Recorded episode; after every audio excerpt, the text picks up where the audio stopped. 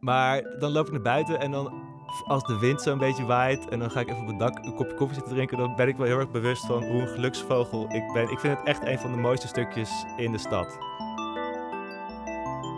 Ik vind het heel fijn dat we een soort uh, proberen participatorisch te ontwerpen, maar geven we mensen daadwerkelijk macht? Welkom bij de vijfde aflevering van Respons. Wij zijn Veerle, hoi, en Katrine. En in de zomer van 2019 studeerden we af bij de Master Architectuur in Delft. En we houden ook van architectuur.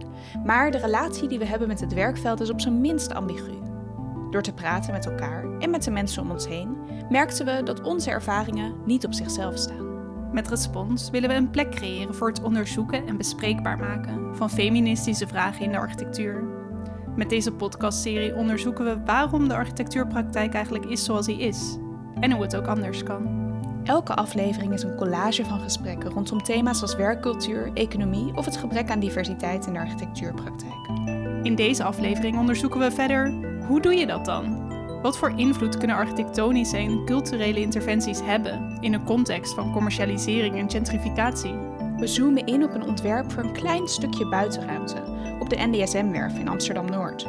We leren de werf beter kennen samen met Petra Hek en Erik van der Paard. En met architect Afaina de Jong praten we over projecten die ook kunnen mislukken, over het plezier van ontwerpen, de politieke en economische context van onze tijd. En ze geeft ons hoop.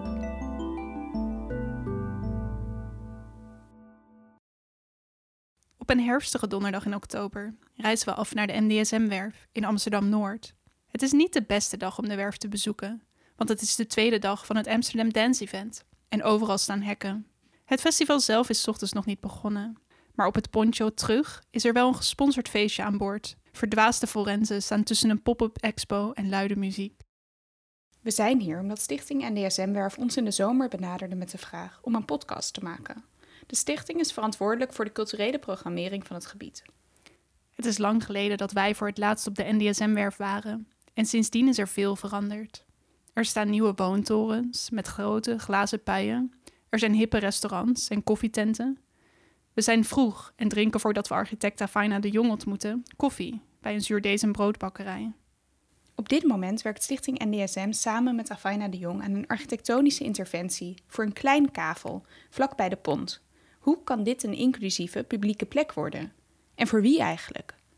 Deel van het ontwerpproces zijn drie podcasts, waarvan deze er één is, om het maakproces open te breken. Afaina zegt daar dit over. Ik vind dat dat informeert uh, mij ook. En ik heb op dit moment dan ook nog niet echt een idee van wat het moet zijn. We maken deze aflevering dus in samenwerking met Stichting NDSM Werf. We vonden het best spannend om in opdracht te werken. Maar we vonden het leuk en uitdagend om midden in het denken over een concrete opgave te duiken en om met Afaina te praten over haar twijfels, haar zoektocht en haar ideeën. Na een kopje koffie maken we met Afaina een wandeling over de werf en bekijken we het kavel waar de interventie zou moeten komen. Hier stond eerst Sociëteit Sexyland. Dan gaan we naar Eric's House, een opnamestudio op de werf waar we verder in gesprek gaan. Afaina legt ons uit dat ze hoopt dat deze podcast het ontwerpproces veranderen in een soort publiek proces. Nou ja, ik heb natuurlijk ook wel vaker dingen participatory gedaan. Wat me opviel is dat je vaak, ook al zeg je van ah, open avond, kom, we gaan dingen doen, leuk. Het is ook een specifieke groep mensen die komt, die daar tijd voor heeft. Die daar, die dat, weet je, sommige mensen zijn gewoon heel actief in hun buurt. Dus toen dacht ik, nou, waarom gaan we niet een aantal podcasts doen met verschillende podcastmakers? En elke podcastmaker heeft zijn eigen manier van doen. Maar dat we eigenlijk op zo'n manier met elkaar in conversatie, ja, erachter proberen te komen wat dit zou moeten zijn. Hè? En bijvoorbeeld een van de podcasts gingen we dan met Jasper Buursink gingen we naar uh, Tuindorp. En dat vond ik eigenlijk superleuk, want we gingen gewoon tegen mensen aanpraten. Gewoon de eerste beste die je tegenkomt. En dat is eigenlijk, ja, ik vind dat dan zo democratisch. Want ik, ja, die, dat zou niet gebeuren als ik uh, een avondje in een buurthuis zou organiseren. Het was gewoon op straat, microfoon in je gezicht. Hoi, kom je wel eens op NDSM? We gaan er iets doen. Wat moet het worden? Weet je? En ik vind het leuk dat dat publiek is. Want het is ook een soort publiek denkproces in die zin. Uh, publieke inspraak, tot op zekere hoogte. Nou ja, oké. Waar de andere podcasts die deel zijn van dit project de wijk ingaan en babbelen met buurtbewoners, willen wij een stapje terug doen en reflecteren op de bredere context van een opgave als deze. Want wat betekent het om als architect iets te ontwerpen op een plek als deze? En wat voor verschil kan je daarin maken? We zeiden ook ja tegen deze uitnodiging, omdat we al langer met Afaina wilden praten. Afaina de Jong is architect en oprichter van het bureau Affarai, dat zich expliciet een feministisch architectenbureau noemt. Ze maakte onder andere het ontwerp voor de tentoonstelling Slavernij, die in de zomer van 2021 te zien was in het Rijksmuseum. En ze leverde met Space of Other een bijdrage aan de Nederlandse inzending Who is We voor de Architectuurbiennale van Venetië van 2020. Wij kennen Afaina omdat ze vanaf eind 2020 de architect in residence was van Architectuurcentrum Amsterdam, Arcan, waar ze de Feminist Spatial Practice Boekenclub organiseerde. En we vragen haar wat ze daarvan heeft geleerd. Maar waar ik gewoon mee bezig ben in mijn praktijk door de jaren heen, is eigenlijk ja, hoe kunnen we inderdaad de, een soort het feministische theorie, waar die ik heel rijk vind aan soort ideeën en strategieën en theorieën. Hoe kunnen we dat in het nu gebruiken binnen onze architectuurpraktijk? Nou, dat is natuurlijk een hele grote, grote vraag. En volgens mij ook niet, niet iets wat je van A naar B kan uh, vertalen. En ik dacht, ja, om het nou toegankelijk te maken, is het eigenlijk uh, goed om, uh, om dat een soort gezamenlijk research te maken ik vond het echt ontzettend leuk. Het waren gewoon. Het was ook een hele leuke groep in die zin dat mensen steeds weer terugkwamen. Uh, dat het intergenerationeel was. Nou ja, op een gegeven moment hadden we zelfs uh, een paar mannen erbij ook. Weet je, want het, uh, het was ook niet alsof dat excuus... Dat vind ik zo jammer als we het dan over feministische theorie hebben. Dat het, oh ja, maar dat is dus voor vrouwen of zo. Weet je, wat heel raar is. Denk ja... Maar uh, als we het over Foucault hebben, dan is het toch ook niet alleen voor oude Franse mannen. ja, dat vind ik heel weer. Maar je zag dat het moeilijk werd als we het echt gingen vertalen naar. Uh, ja, oké, okay, maar hoe, hoe gaan we dan ontwerpen? Weet je, hoe, hoe Mhm. zit dat dan? Wordt het dan. Uh, ja, en, en dan kwam je toch vaak van ja, in de wc of zo. Dan, ik weet niet, de wc was op de een of andere manier altijd een soort hele specifieke ruimte waar veel van die problemen dan samenkwamen. Maar ik denk wat voor mij was, is gewoon van de grote vraag: hoe maak je ruimte specifiek in plaats van universeel? Wij hebben ook gemerkt dat het moeilijk is om concreet te maken wat het betekent om feministisch te ontwerpen. Maar volgens Afaina is het in elk geval belangrijk om niet te ontwerpen vanuit universele normen, zoals de Modular Man van Le Corbusier. Dat soort standaarden lijken voor iedereen te zijn, maar gaan eigenlijk uit van een heel specifiek mens een witte man van 1,80 meter, die zich overal gemakkelijk voortbeweegt. Maar wat betekent het als je opeens vanuit het perspectief van heel andere mensen gaat ontwerpen? Dat als we nou inderdaad gaan zeggen, we ontwerpen het voor een person of color in een wheelchair. Nou ja, oké, ik weet niet waarom ik opeens Engels praat, maar en het heel specifiek maken. Ik denk als je dat doet, dan is het juist echt voor iedereen toegankelijk. Dus dat is iets wat ik vond dat ook uit die groep voortkwam. En dat kostte een tijdje om met elkaar soort door te krijgen. Gaat het dan ook over het belang van het expliciet maken voor wie je iets maakt, in plaats van doen alsof het voor iedereen is? Ja, ja dat vind ik dus uh, wel. Ik, ik denk dat het heel. Weet je, omdat je wordt aangeleerd binnen de opleiding dat als we gewoon een soort generic, uh, universeel iemand nemen, dat dat dan voor iedereen is, dan denk je dat dat zo is. Maar dat is dus inderdaad echt helemaal niet zo. En dus het, ja, ik ben blij dat we nu nadenken over specifiek maken en over wat toegankelijkheid in een bredere uh, zin betekent, weet je. Of dat gaat dus niet alleen maar over drempels en ramps, maar in hoeverre is ruimte toegankelijk? Wat zegt ruimte? Weet je, hoe kunnen wij intentie expliciet maken ook als ontwerpers en ons daarin ook positioneren?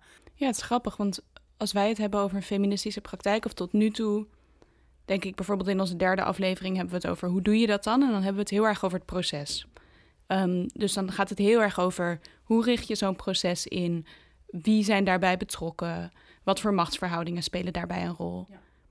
Maar wat ik interessant vind aan wat jij nu zegt, en ook uh, waar we het net al even over hadden toen we, toen we langs het Sexylandkavel liepen, is dat jij ook voor mijn gevoel heel erg op zoek bent naar een, een beeldtaal of een esthetiek, of ook zeg maar de architectonische vormen die Ja. op de een of andere manier Ja. Ik denk dat daar, daar zit toch ook een, eh, een, een specifieke kracht in, denk ik, als ontwerpers. Net zoals dat het weet je, ideeën uit het modernisme van uh, rationaliteit of soort, een soort groter democratisch ideaal of het soort breken met uh, het verleden. Dat was ook een beeldtaal. Ja, en ook waar we het net over hadden, we zijn op de NDSM-werf, er, wordt, er worden allemaal nieuwe gebouwen gemaakt. Dat is ook een beeldtaal. Weet je, het neoliberale, het, de gentrification heeft ook een hele specifieke materialiteit, architectuur. Kan je die beschrijven? Hoe, hoe ziet dat eruit? Nou, ik, ik zie dat als heel veel glas. Hè? Een soort uh, nep-transparantie. Het is allemaal uh, heel hoekig, imposant. Het, het, bouwt voort op dat modernisme in esthetiek, maar het, het neemt het weer een stap uh, verder. En ik vind bijvoorbeeld van gentrification, dat vind ik vaak heel, dat zag je al. Het begon eigenlijk met die soort koffietenten. Toch? Die hadden ook allemaal dezelfde esthetiek. Het was soort van het uh, onbewerkte hout en zo'n uh, soort licht, zo'n, hoe noem je dat? Een lampje, soort zonder kapje eromheen. Uh, weet je, ja, een beetje beton. Weet je, nou, dat is soort speci specifieke esthetiek die in zo'n soort, misschien in zo'n volksbuurt wordt neergezet. En dan is het, kijk, dit is, deze plek is voor jullie. Dit is een safe space voor deze nieuwe mensen, weet je. En, en dat, dat herkent men dus door de materialisering, door de architectuur. En dat is dus waar ik heel erg als ontwerper dan zelf ja, mee bezig ben. Dus Tuurlijk heb je ook je eigen handtekening en je eigen esthetiek of zo. Maar in hoeverre kan die, als ik zeg van die wordt geïnformeerd door andere informatie, door, door andere uh, ervaringen, dan zou die er dus ook anders uit moeten zien. En hoe ziet dat eruit? En hoe, dat, hoe ik dat vormgeef is misschien anders dan iemand anders. Net zoals Dutch Design. Ook daarin stond een soort concept centraal. was ook een hele specifieke esthetiek. Dus ik hoop gewoon dat we nu ook een esthetiek kunnen gaan ontwikkelen, zowel in design of architectuur, die eigenlijk ja, dit denken ja, materialiseert en re realiteit maakt. Ja. Is het mogelijk om tegenover de esthetiek van neoliberalisme en gentrificatie een andere vormentaal, een andere architectuur te ontwikkelen voor andere mensen? Een feministische vormentaal. Voor Afina zit in die vraag een deel van de kracht van de ontwerper. Die houding straalt voor ons ook een optimisme uit. Tegelijkertijd twijfelen we ook. Want kan dat wel? Kan een andere architectonische taal echt voldoende invloed hebben in een context zoals die van de NDSM-werf, waar zoveel van het gebruik bepaald lijkt te worden door grotere krachten van kapitaal? In dat proces van gentrification wordt vaak de publieke ruimte opeens opgewaardeerd. Toch? De, beautification. Opeens, opeens krijg je een soort hoge kwaliteit publieke ruimte. Dus ja, ik ben me daar heel erg bewust van. Van ja, oké, wat jij daar maakt, in hoeverre draagt dat daar dan aan bij? En eigenlijk wat mijn, waar ik geïnteresseerd in ben, is in hoeverre de esthetiek ook een soort taal kan zijn die zo'n plek eigenlijk openhoudt voor een groep mensen die ja, niet meer op de werf kunnen wonen of eigenlijk geen aanleiding zien om hier te komen. Dus net zoals dat de architectuur van gentrification of neoliberalisering heel specifiek is, als ik in diezelfde taal die publieke ruimte zou maken, dan is dat daar onderdeel van. Tegelijkertijd, als ik gewoon de taal van soort de publieke ruimte uit Tuindorp van uit de jaren zeventig hier naartoe zou transformeren, dan breng je dat hier naartoe. Maar ja, de mensen van Tuinop die gaan, hoeven niet specifiek dan hier naartoe te komen om dat te gebruiken. Dus je die hebt hebben ook, dat al. Ja. die hebben het al daar. Dus je moet ook een soort taal vinden die aantrekkelijk kan zijn voor beide groepen, voor andere, weet je, voor iedereen. En dat is natuurlijk weer heel moeilijk, want dan hebben we het over, ja, we, we zoeken dus niet universal. Dus die taal moet misschien ook heel specifiek zijn. En in die zin denk ik, ja, daar zit ook het leuke in aan deze opdracht, dat daarin kan je misschien ook toch voor een deel nog de vrijheid van een kunstenaar nemen, waar ook je eigen handschrift in meetelt. Maar ja, het is natuurlijk wel uh, zoeken en tricky. En het kan ook. Succes is niet uh, gege een gegeven of zo in die zin. Ja. De NDSM-werf maakt een nogal turbulente ontwikkeling door op dit moment. Als een soort epicentrum van gentrificatie. En succes van een project als dat van Afina is dus niet gegarandeerd. Over al die belangen en ontwikkelingen hebben we het later nog in de podcast. Maar dat Afaina als architect op zo'n plek, in het hart van zulke snelle en grote ontwikkelingen, toch denkt dat een architectonisch project betekenis en verandering kan brengen, dat geeft ons hoop. Wat zijn de bronnen en referenties voor de architectonische taal waar Afaina zich op beroept? We vragen haar naar haar origin story. Want hoe is zij eigenlijk in de architectuur terechtgekomen? Nou, mijn vader die is, eh, was architect en eh, die was ook eh, docent op de TU Delft, universitair hoofddocent. Dus ik ging eigenlijk heel vaak met hem mee, ook naar de faculteit in de vakantie. Dan was ik, weet ik veel, vijf, zeven, acht. Dan ging ik lekker maquettes maken, maken terwijl hij les ging geven. Dus het is echt iets, ja, ook mee naar zijn studio. Dus het is iets wat me gewoon, wat altijd soort in, ja, mijn wereld was of zo. En ik ben in Amsterdam opgegroeid en op een gegeven moment moest ik natuurlijk iets gaan studeren. En toen dacht ik, nou ja, ik wil eigenlijk wel iets anders dan Amsterdam ervaren. Dus toen had ik verzonnen dat ik uh, in Delft, nou ja, dat was eigenlijk toch wel mijn vader die zo was. Ja, weet je wat je in Delft kan doen? Dat is heel leuk, industrieel ontwerpen. ik zo, nou, daar naartoe, die open dag, allemaal mooie kleurtjes en mooie shapes. Ah ja, oké, nou, dat is wel leuk, weet je. Nou, het was echt vreselijk. Ik vond echt, nou ja, ik dacht echt na een jaar van, nou, ja, ik ben gewoon niet super goed in mechanica. En het was eigenlijk best wel weinig ontwerpen. En ik dacht, wil ik echt soort ijskasten ontwerpen of broodroosters? Nou ja. en ik kwam eigenlijk best wel vaak op bouwkunde. En ik vond eigenlijk dus, ja, ik vond het gewoon leuk, maquettes maken. Dus en ik was, vond de stad gewoon leuk. Want ja, voor mij was Amsterdam een grote stad. Dus gewoon het idee van ja, werken aan de stad, daar dingen aan toevoegen, het begrijpen van de stad.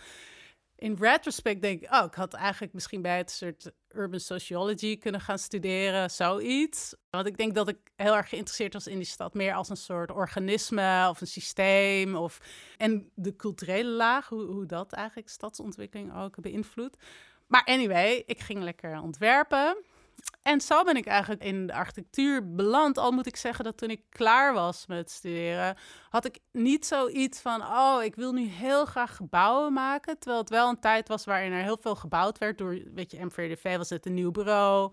NL Architects waren gewoon hele grappige dingen aan het doen. Ik had daar stage gelopen. Dus ik vond de humor die erin kwam, of de vrijheid om echt iets anders te doen, dat sprak me heel erg aan. Maar ik was toch eigenlijk iets meer geïnteresseerd in de mens en hoe de mens de stad en de architectuur beïnvloeden. En toen ben ik dus inderdaad in, uh, had ik een beurs, ben ik in Japan gaan werken en daarna ben ik bij AMO gaan werken. En toen dacht ik, ja, oké, ik werk nu waar ik altijd wilde werken, maar ik weet niet echt of dit echt iets voor mij is eigenlijk, deze stijl van... Tenminste, wat ik heel tof vond aan AMO was ook daarin soort het vermengen van disciplines. Van, we kunnen en boeken maken en tentoonstellingen en voor met mode werken. Uh, dat vond ik heel bevrijdend, ja. heel tof. En toen dacht ik, nou, ik ga het gewoon, ik ga het gewoon op mijn eigen manier proberen. Ik kon me ook niet soort voorstellen waar ik dan anders zou gaan werken. En ik vond het heel belangrijk dat ik zelf beslissingen kon maken over hoe iets eruit moest zien of welke richting het op moest. En, en ja, ik was 27, dus ja, je loopt ook niet zoveel risico. Het is gewoon, nou ja, zolang ik maar de huur kan betalen. dus uh, zo ben ik eigenlijk voor mezelf begonnen in 2005 alweer. Dat is ook best wel lang geleden. Misschien nog heel even een klein stukje terug, want ik ben ook heel erg benieuwd hoe dan eigenlijk die tijd op bouwkunde in Delft was voor jou. Oké, ja. Ga ik even nadenken, want ja, dat is heel lang geleden. geleden. Ja, het is wel grappig, hè? Want ik ben dan nu zelf hoofd op, die op de masteropleiding in, uh, op de Design Academy. En ik merk dat, ja, ik heb nu ook heel vaak gesprekken eigenlijk met mijn tutors over hoe dat nou was toen wij studeerden. Omdat er nu in het onderwijs, tenminste daar, echt een verandering is. En, en, en ik ook merk dat wij anders uh, les willen geven, anders feedback willen geven. En dan onvermijdelijk kom je toch op, uh, nou, hoe was dat eigenlijk toen jij dat, uh, toen jij studeerde? Ja. En dan merk je dat daar ontzettend veel, dat je heel veel hebt verdrongen eigenlijk. En dat, je, dat we ook ontzettend veel pikten. Hè? Dus en daarom, ik vond het... Van je docenten? Van je docenten, taalgebruik. En ik, ik heb echt... Ik vond het hartstikke leuk. maar nu denk ik, terugkijkend, denk ik ook wel, ja, die machtsverhoudingen waren niet helemaal oké. Ik bedoel, bepaalde manieren, seksistische manieren van denken. Of ja, eigenlijk manieren van ontwerpen ook die eigenlijk niet oké waren. Weet je, van oké, we gaan hier een nieuwe buurt maken. Nou, dan slopen we gewoon al deze woningen. Echt zo, ja, maar wie wonen daar dan? Of zo van, nou, dan maken we hier gewoon een hele grote muur, zodat die mensen die daar wonen er niet in kunnen. En weet je, en dat dat dan niet soort werd gezien als iets wat eigenlijk van, maar wat bedoel je daar eigenlijk? Nee, dat is toch niet oké.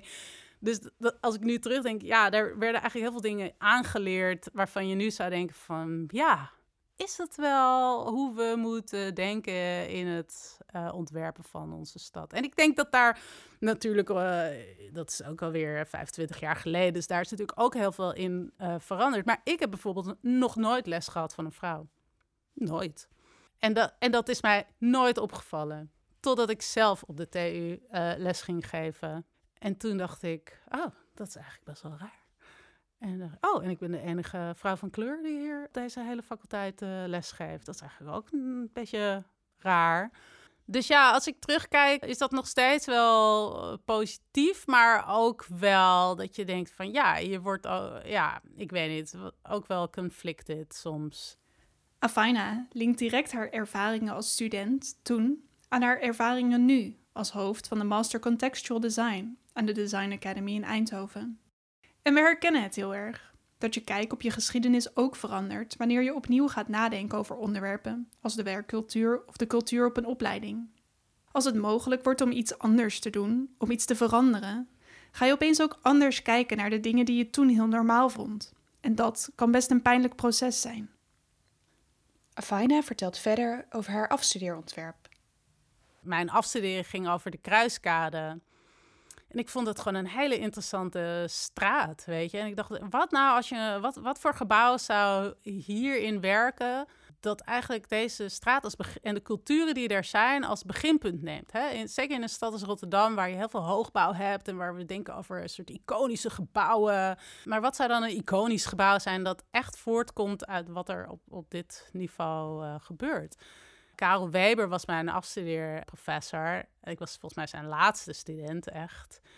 En hij begreep dat heel erg, want hij had een Antilliaanse achtergrond. En hij zei, ja, Antillen hebben we ook dat soort cruisen met die auto's. Dus hij, hij kon daar heel erg in meegaan. Maar dan heb je altijd zo'n gecommitteerde. Nou, die meneer, die, een oudere meneer, die was echt van: dit is echt totale onzin. Ze zouden nooit dit gebouw hier, nooit een gebouw hier maken. Er is hier niks dat gewoon een soort van waarde is, weet je. Uh, en zo iemand die ongelooflijk gewoon tegen dat project was de hele tijd. En daardoor ook steeds je cijfer naar beneden haalde. En kijk, ja, het ging maar uiteindelijk niet om dat cijfer. Maar je moet je wel voorstellen dat je dan allemaal goede cijfers krijgt. Maar de, de comité, gecommitteerde zorgt ervoor dat dat helemaal keldert. Weet je? En dat soort dingen, denk ik, van. Dat is heel interessant. Nou, je ziet wel hoe de verhoudingen liggen. Ja, ja, dat is toch uh, grappig. Maar de, ik dacht hè, dat van, hij begrijpt het gewoon niet. Weet je? En dat heb ik nog steeds heel vaak. Denk ik, ja, je begrijpt het gewoon niet. Maar dat is omdat je, omdat je dan ja, jij mist gewoon een stuk informatie om dit te kunnen doorgronden of om dit op waarde te kunnen schatten. En omdat die meneer dan misschien een andere set uh, van waarden en kennis achter zich heeft staan en daaraan toetst hij alles. Dus voor hem is het ook onbegrijpelijk. En waarom zou je dat doen? Maar ik denk, ja, maar ik zie hele andere dingen, weet je. En, en dat vond ik leuk, was leuk aan Karel Weber. Van, hij begreep dat. Hij was ja, ik ken dat. Ik ken die wereld. Ik begrijp wat dit zou kunnen doen en wat dit zou kunnen zijn. En dat heb je dus dan ook nodig. Want anders kan diegene, ja, kan je zo'n project niet doen. Wie stelt de norm? Wie bepaalt wat begrijpelijk is? Wat normaal is? Die normen staan natuurlijk ook niet stil. Ze zijn aan het verschuiven. Deels met dank aan mensen als Afaina die zich daar nu verderop in hun carrière voor blijven inzetten. Dit gesprek doet ons ook denken aan onze twijfels over of we wel architect genoeg zijn, waar we het uitgebreid over hebben gehad in aflevering 4 over onderwijs. We vragen aan Afina of zij zich daarin herkent. Ja, dat herken ik heel erg. Ik heb ook dat zo'n soort periode gehad. Dacht, ja, maar misschien ben ik meer een dit of een dat. En, uh, en toen later dacht ik, ja, sorry, ik ben gewoon bouwkundig ingenieur, weet je. ja, ik heb daar gewoon voor gestudeerd. Ik denk als een architect. Ik uh, benader alles wat ik doe eh, vanuit die belevingswereld. En waarom kan Bernard Tschumi wel in de kunsten soort vrijheid vinden om te experimenteren en ik niet? Hè? Wat ik ook merk van, ja, wie heeft er recht om kritiek uit te oefenen? Of, of om kritisch te zijn?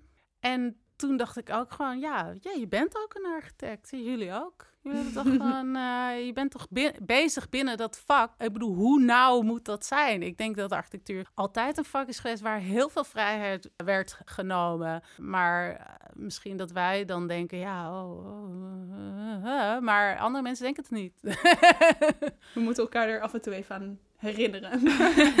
Zeker, ja. Afaina vertelt ons verder over het opstarten van haar eigen bureau, waarmee ze op een gegeven moment ook placemaking ontwerpen ging maken.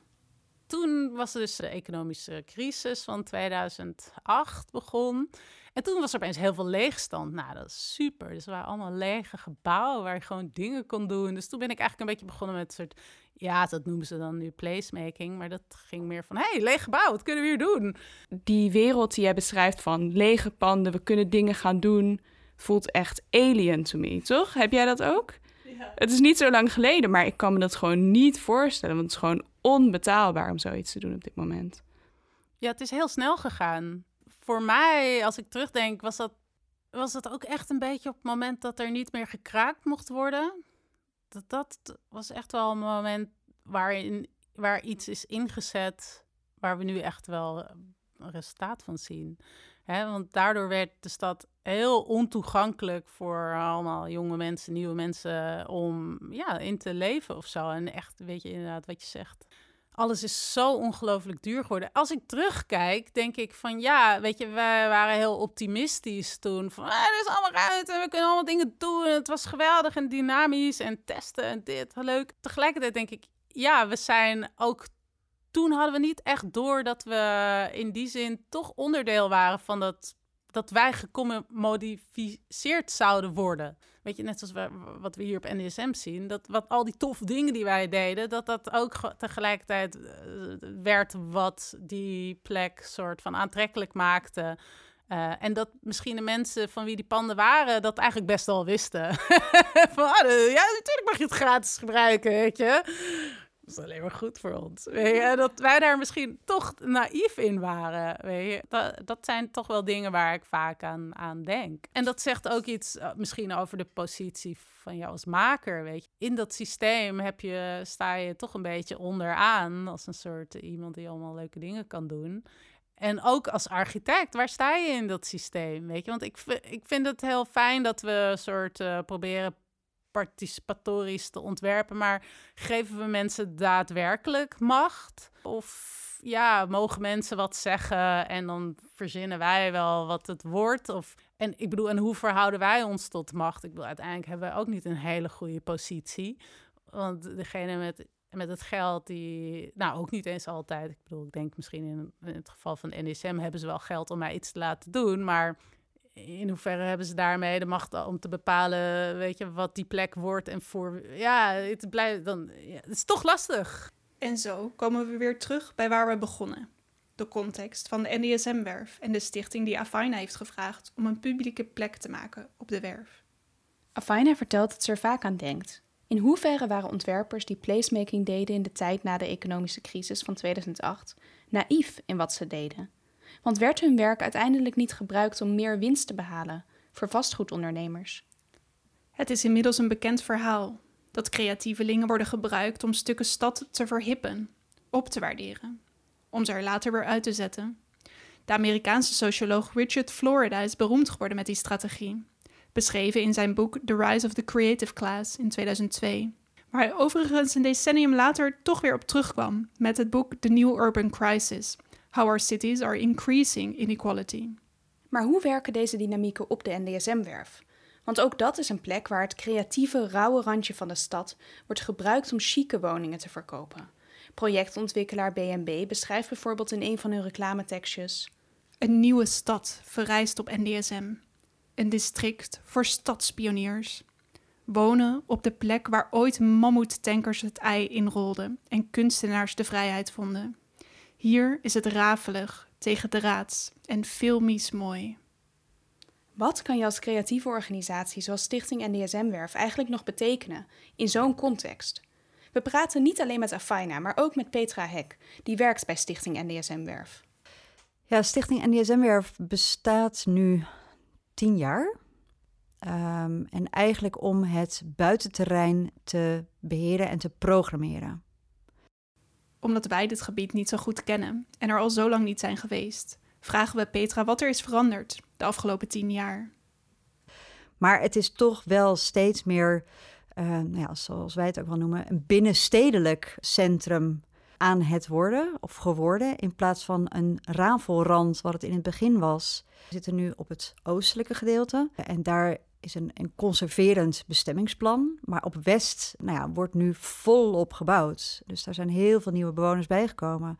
Buiksloterham, de Bongert. Dus eigenlijk aan drie kanten nu omringd door heel veel nieuwe bewoners. En vroeger was het natuurlijk eigenlijk alleen ja, Tuindorp Ozaan, wat gebouwd was echt voor de werfarbeiders. Industrie lag allemaal langs het water in Noord. Dus het was heel anders opgezet en heel anders gebouwd. Het grootste deel van de NDSM-werf is nog steeds in handen van de gemeente.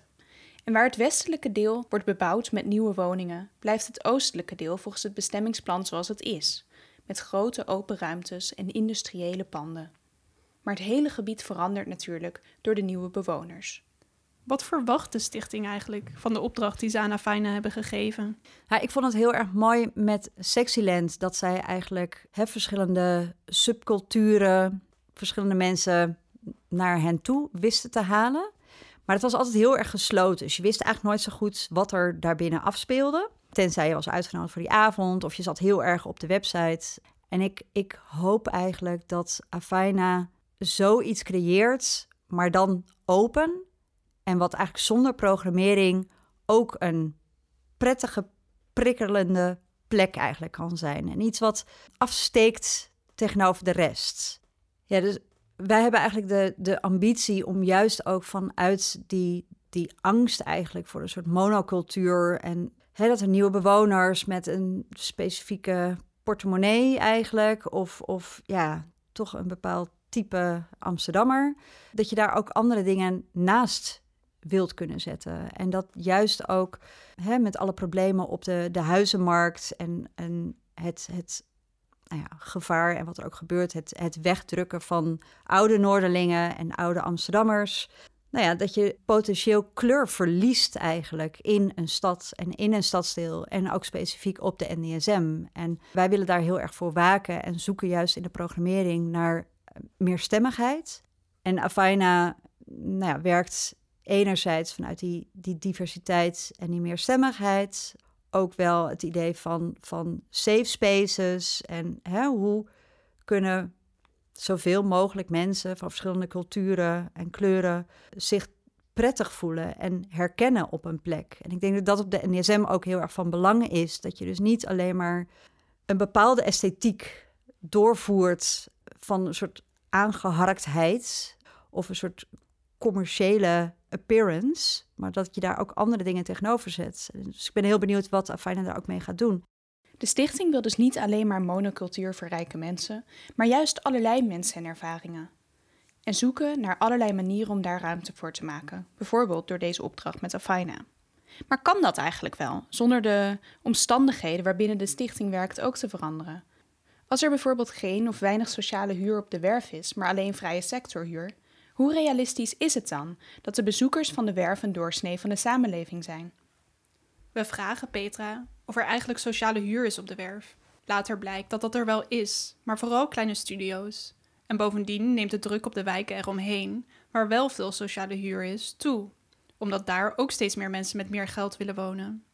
En dan breekt de eigenaar van de studio in, Erik. Ja, ik vind dat zo. Het is gewoon pijn in mijn hart. Het is echt. Ja. Wil je het niet even in de microfoon zeggen? Ja, wil je onderdeel worden van de podcast? Nee hoor, maar ik moest het gewoon even kwijt. Ja. Doe maar even hoor. het is wel. Wil je mijn plek even? Hier, kom maar. Oh, dat vind ik heel spannend. wordt altijd uitediten. Precies. Zo zit ik opeens in mijn eigen studio te praten. ik, ik fiets zeg maar vanaf, vanaf Centraal Station naar hier toe. En je ziet gewoon in hoe er wordt gebouwd aan, aan de stijl en, en, en aan de aandacht die aan iets wordt besteed. Dat dus op de eerste rij, mooi aan het ei, staan alle dure woningen. En hoe verder je eigenlijk noord ingaat, hoe, hoe, hoe, hoe, hoe minder verzorgd en mooi ook de nieuwbouw eruit ziet. En, en dat doet me pijn. Ja, ik vind dat, ik vind, ja, je, het voelt gewoon als je wat meer te besteden hebt, zit je ook gewoon op de eerste rij. Ja, zo hoeft het leven van mij niet te zijn.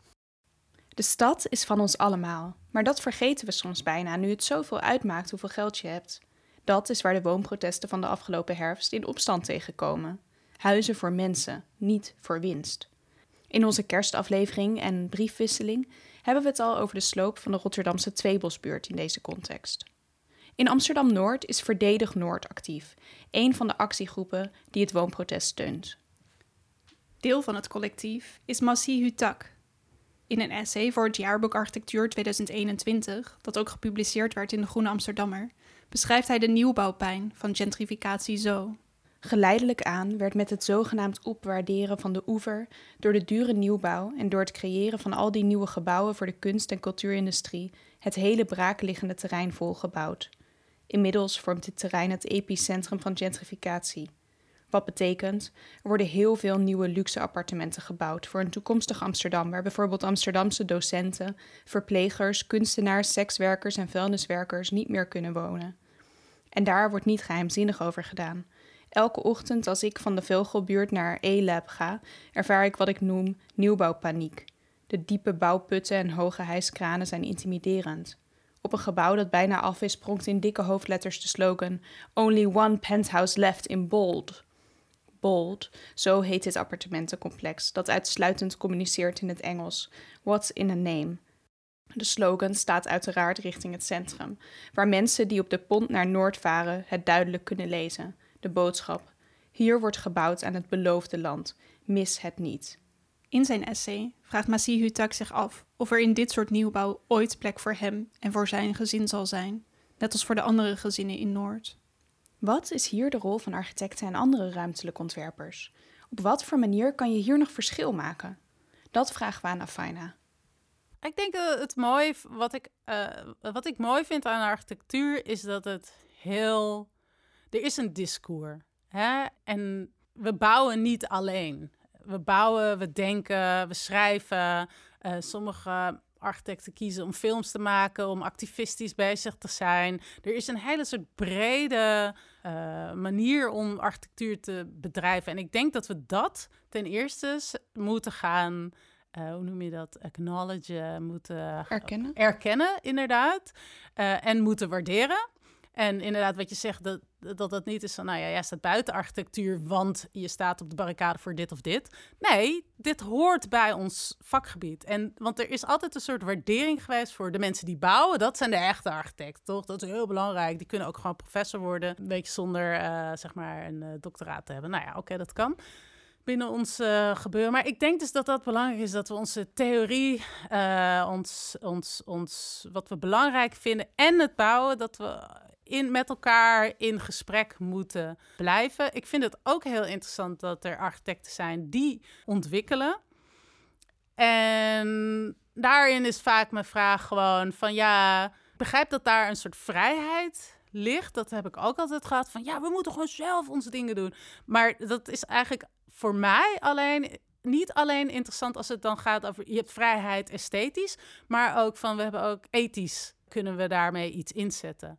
Kunnen we door zo op een andere manier te ontwikkelen wel betaalbare woningen maken of iets doen wat een andere soort ontwikkelaar niet zou doen? Ja, je komt toch ook wel heel erg hoopvol over. Want de, ja, heel veel van die redenen en van die grote problemen die er zijn... en de vraag van, oh, kan dat dan wel hier? Voor ons zijn dat in elk geval een deel van de redenen, denk ik ook... om niet direct in de architectuur Ja. te gaan werken. Omdat we gewoon best wel weinig uitzicht zien...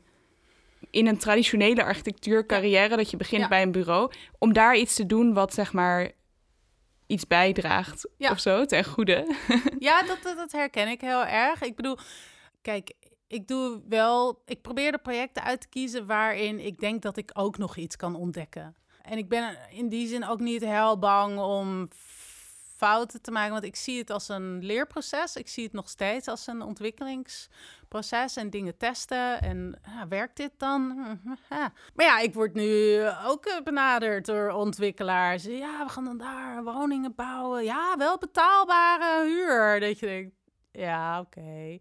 Weet je, maar dat, daar, daarbij denk ik ook van ja, dit is, het zeg ik ook, van ja, het is niet voor mij. Weet je, het is niet dat ik niet over wonen wil nadenken, maar ik ben het gewoon al categorisch gewoon oneens met de hele setup hiervan. Weet je, hoe dat gefinancierd moet worden, wat het dan inhoudelijk moet zijn, zo'n woning. En voor, ik, dus dan denk ik van, misschien uh, maak ik het voor mezelf ook heel narrow, maar dat, dat, zo zie ik het niet. Ik denk, ik ben gewoon geïnteresseerd in wat wij publiek met elkaar delen omdat daar komen gewoon een aantal hele belangrijke vragen in samen. Dat is waar we kunnen niet om elkaar heen. Het is ruimtelijk, het is cultureel. Onze normen, onze waarden, dat komt er allemaal in terug. En het, heeft, moet een bepaalde esthetische kwaliteit hebben. Dus ik vind dat gewoon een heel spannend gebied. En dat kan een publiek gebouw zijn, het kan een uh, publieke plek zijn, maar ook dus inderdaad zoiets als tentoonstellingontwerp. Ik zie dat ook als een publiek iets. Onze musea zijn een, een groot deel van onze uh, publieke ruimte. Daar worden verhalen verteld. Hoe worden die verteld? Uh, hoe zijn die ruimtes? Hoe wordt het verhaal daar ruimtelijk in uh, aangeboden aan, aan bezoekers? Dus ik denk dat wat dat betreft ben ik gewoon blij dat nu eigenlijk door die soort, nou bijna 17 jaar dat ik bezig ben, dat daar zit wel een bepaalde helderheid in van, nou ja, dit is in ieder geval, dit, deze publieke ruimte, dat is waar ik uh, ja, in werk en waar ik in speel en waar ik in test en waar ik met heel veel verschillende mensen kan denken en doen. Daarop aanhakend, heb je nog dromen voor de toekomst? Ja, oh, een goede vraag. Dromen voor de toekomst. Ja, je hebt nu het Rijksmuseum, Venetië, Biennale. klaar. Nee, is er nog een droom Alles over? Ja, ik weet niet. Ik heb gewoon heel erg zin om te ontwerpen, weet je, om ruimtes te maken. Ik heb veel zin om samen te werken. En tegelijkertijd vind ik het ook soms heel moeilijk om, uh, ja, om te ontwerpen en dit allemaal te doen, omdat ik het ook zie in een soort, ja, in het perspectief van gewoon een gigantische klimaatcrisis, weet je. Ik denk, ja, waarom doen we dit eigenlijk? Ik moet gewoon uh, de barricades op. De barricades op. Maar ja, ook daar, ja, werkt dat? Dus dat, dat vind ik vaak wel moeilijk. Ik denk, ja, zijn we nu gewoon bezig om, om soort allemaal dingen uit te zoeken met elkaar en interessant te praten en mooie dingen te maken. Maar we zijn eigenlijk toch allemaal ten dode opgeschreven. Of in ieder geval de generatie na mij of mijn dochter, weet je. En ik vind dat e-, echt heel moeilijk. Maar ja, oh ja, dus grote dromen. Oh nu heb ik het over mijn nachtmerrie. maar ja, nachtmerries zijn ook dromen. oh. Nou, wat ik wel heel leuk vind, ook aan, aan ons gesprek net tijdens de wandeling en zo, is dat er juist misschien als je die inclusiviteit en die, nou ja, circulariteit of al die dingen, wanneer je die als een gegeven beschouwt, dan komt er misschien ook, ik weet niet welke kant hm. dit op gaat, maar dan komt er misschien ook meer ruimte om dan weer na te gaan denken over, oké, en wat betekent dat dan esthetisch? Wat betekent het dan ruimtelijk? Terwijl, ja, wij worden best wel vaak gevraagd van, oh, houden jullie nog wel van architectuur? En dan soort van, we krijgen die vraag echt best wel regelmatig. Want jullie kijken alleen maar naar het proces en jullie zijn helemaal niet geïnteresseerd in gebouwen. Hm. Dat is helemaal niet waar. Maar die twee hebben wel een relatie. Dus op het moment dat je, ja, misschien wanneer je juist uitgaat van die dingen als vanzelfsprekend, dat er dan ook meer ruimte is voor het plezier van het ontwerpen en van het plezier van die ruimte misschien. Ja, precies. Ik denk dat dat, en, en dat plezier heb ik heel erg. Weet je, want waarom doen we het anders?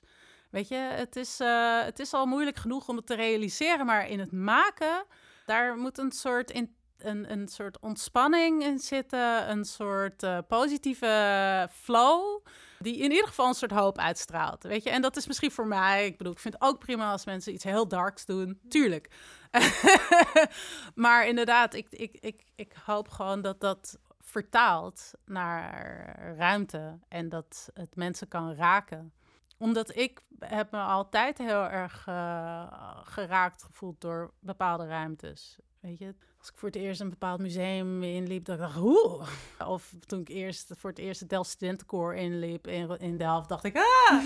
Weet je, dus ruimte is ongelooflijk belangrijk voor uh, ons gevoel, voor ons gevoel van identiteit, voor het gevoel van samenhorigheid. Dus het is zeker iets van, ik denk, nou, dat is dan uh, waar ik iets aan kan bijdragen. Architectuur is voor Afijnen dus niet alleen het ontwerp, niet alleen het bouwen, maar juist ook het discours, het bespreekbaar maken, het ter discussie stellen, bijdragen aan de dingen die nodig zijn om samen te leven. Het is dus voor haar echt een publiek vakgebied. Het gaat over dat wat we publiek delen. En of ze daar nu aan bijdraagt door het maken van een publicatie, een tentoonstellingsontwerp of een podcast, dat maakt voor haar niet zoveel uit. Maar als je architectuur ziet in de context van die publieke problemen, van klimaatverandering tot een gebrek aan inclusiviteit, kan je je soms ook afvragen: is het wel genoeg? We maken hier een ontwerp of we voeren een gesprek, maar de wereld staat in brand. Toch bewonderen we dat Afaina niet een soort fatalistische houding aanneemt, maar juist zoekt naar hoe ze binnen die gegeven context als architect en als ontwerper kan bijdragen. Ze maakt zich geen illusies over de impact. Succes is niet gegarandeerd. Juist door realistische gesprekken te voeren over wat een ontwerp wel en niet kan doen, kan je leren. Maar je moet wel eerst iets doen voordat je het kan hebben over de betekenis ervan.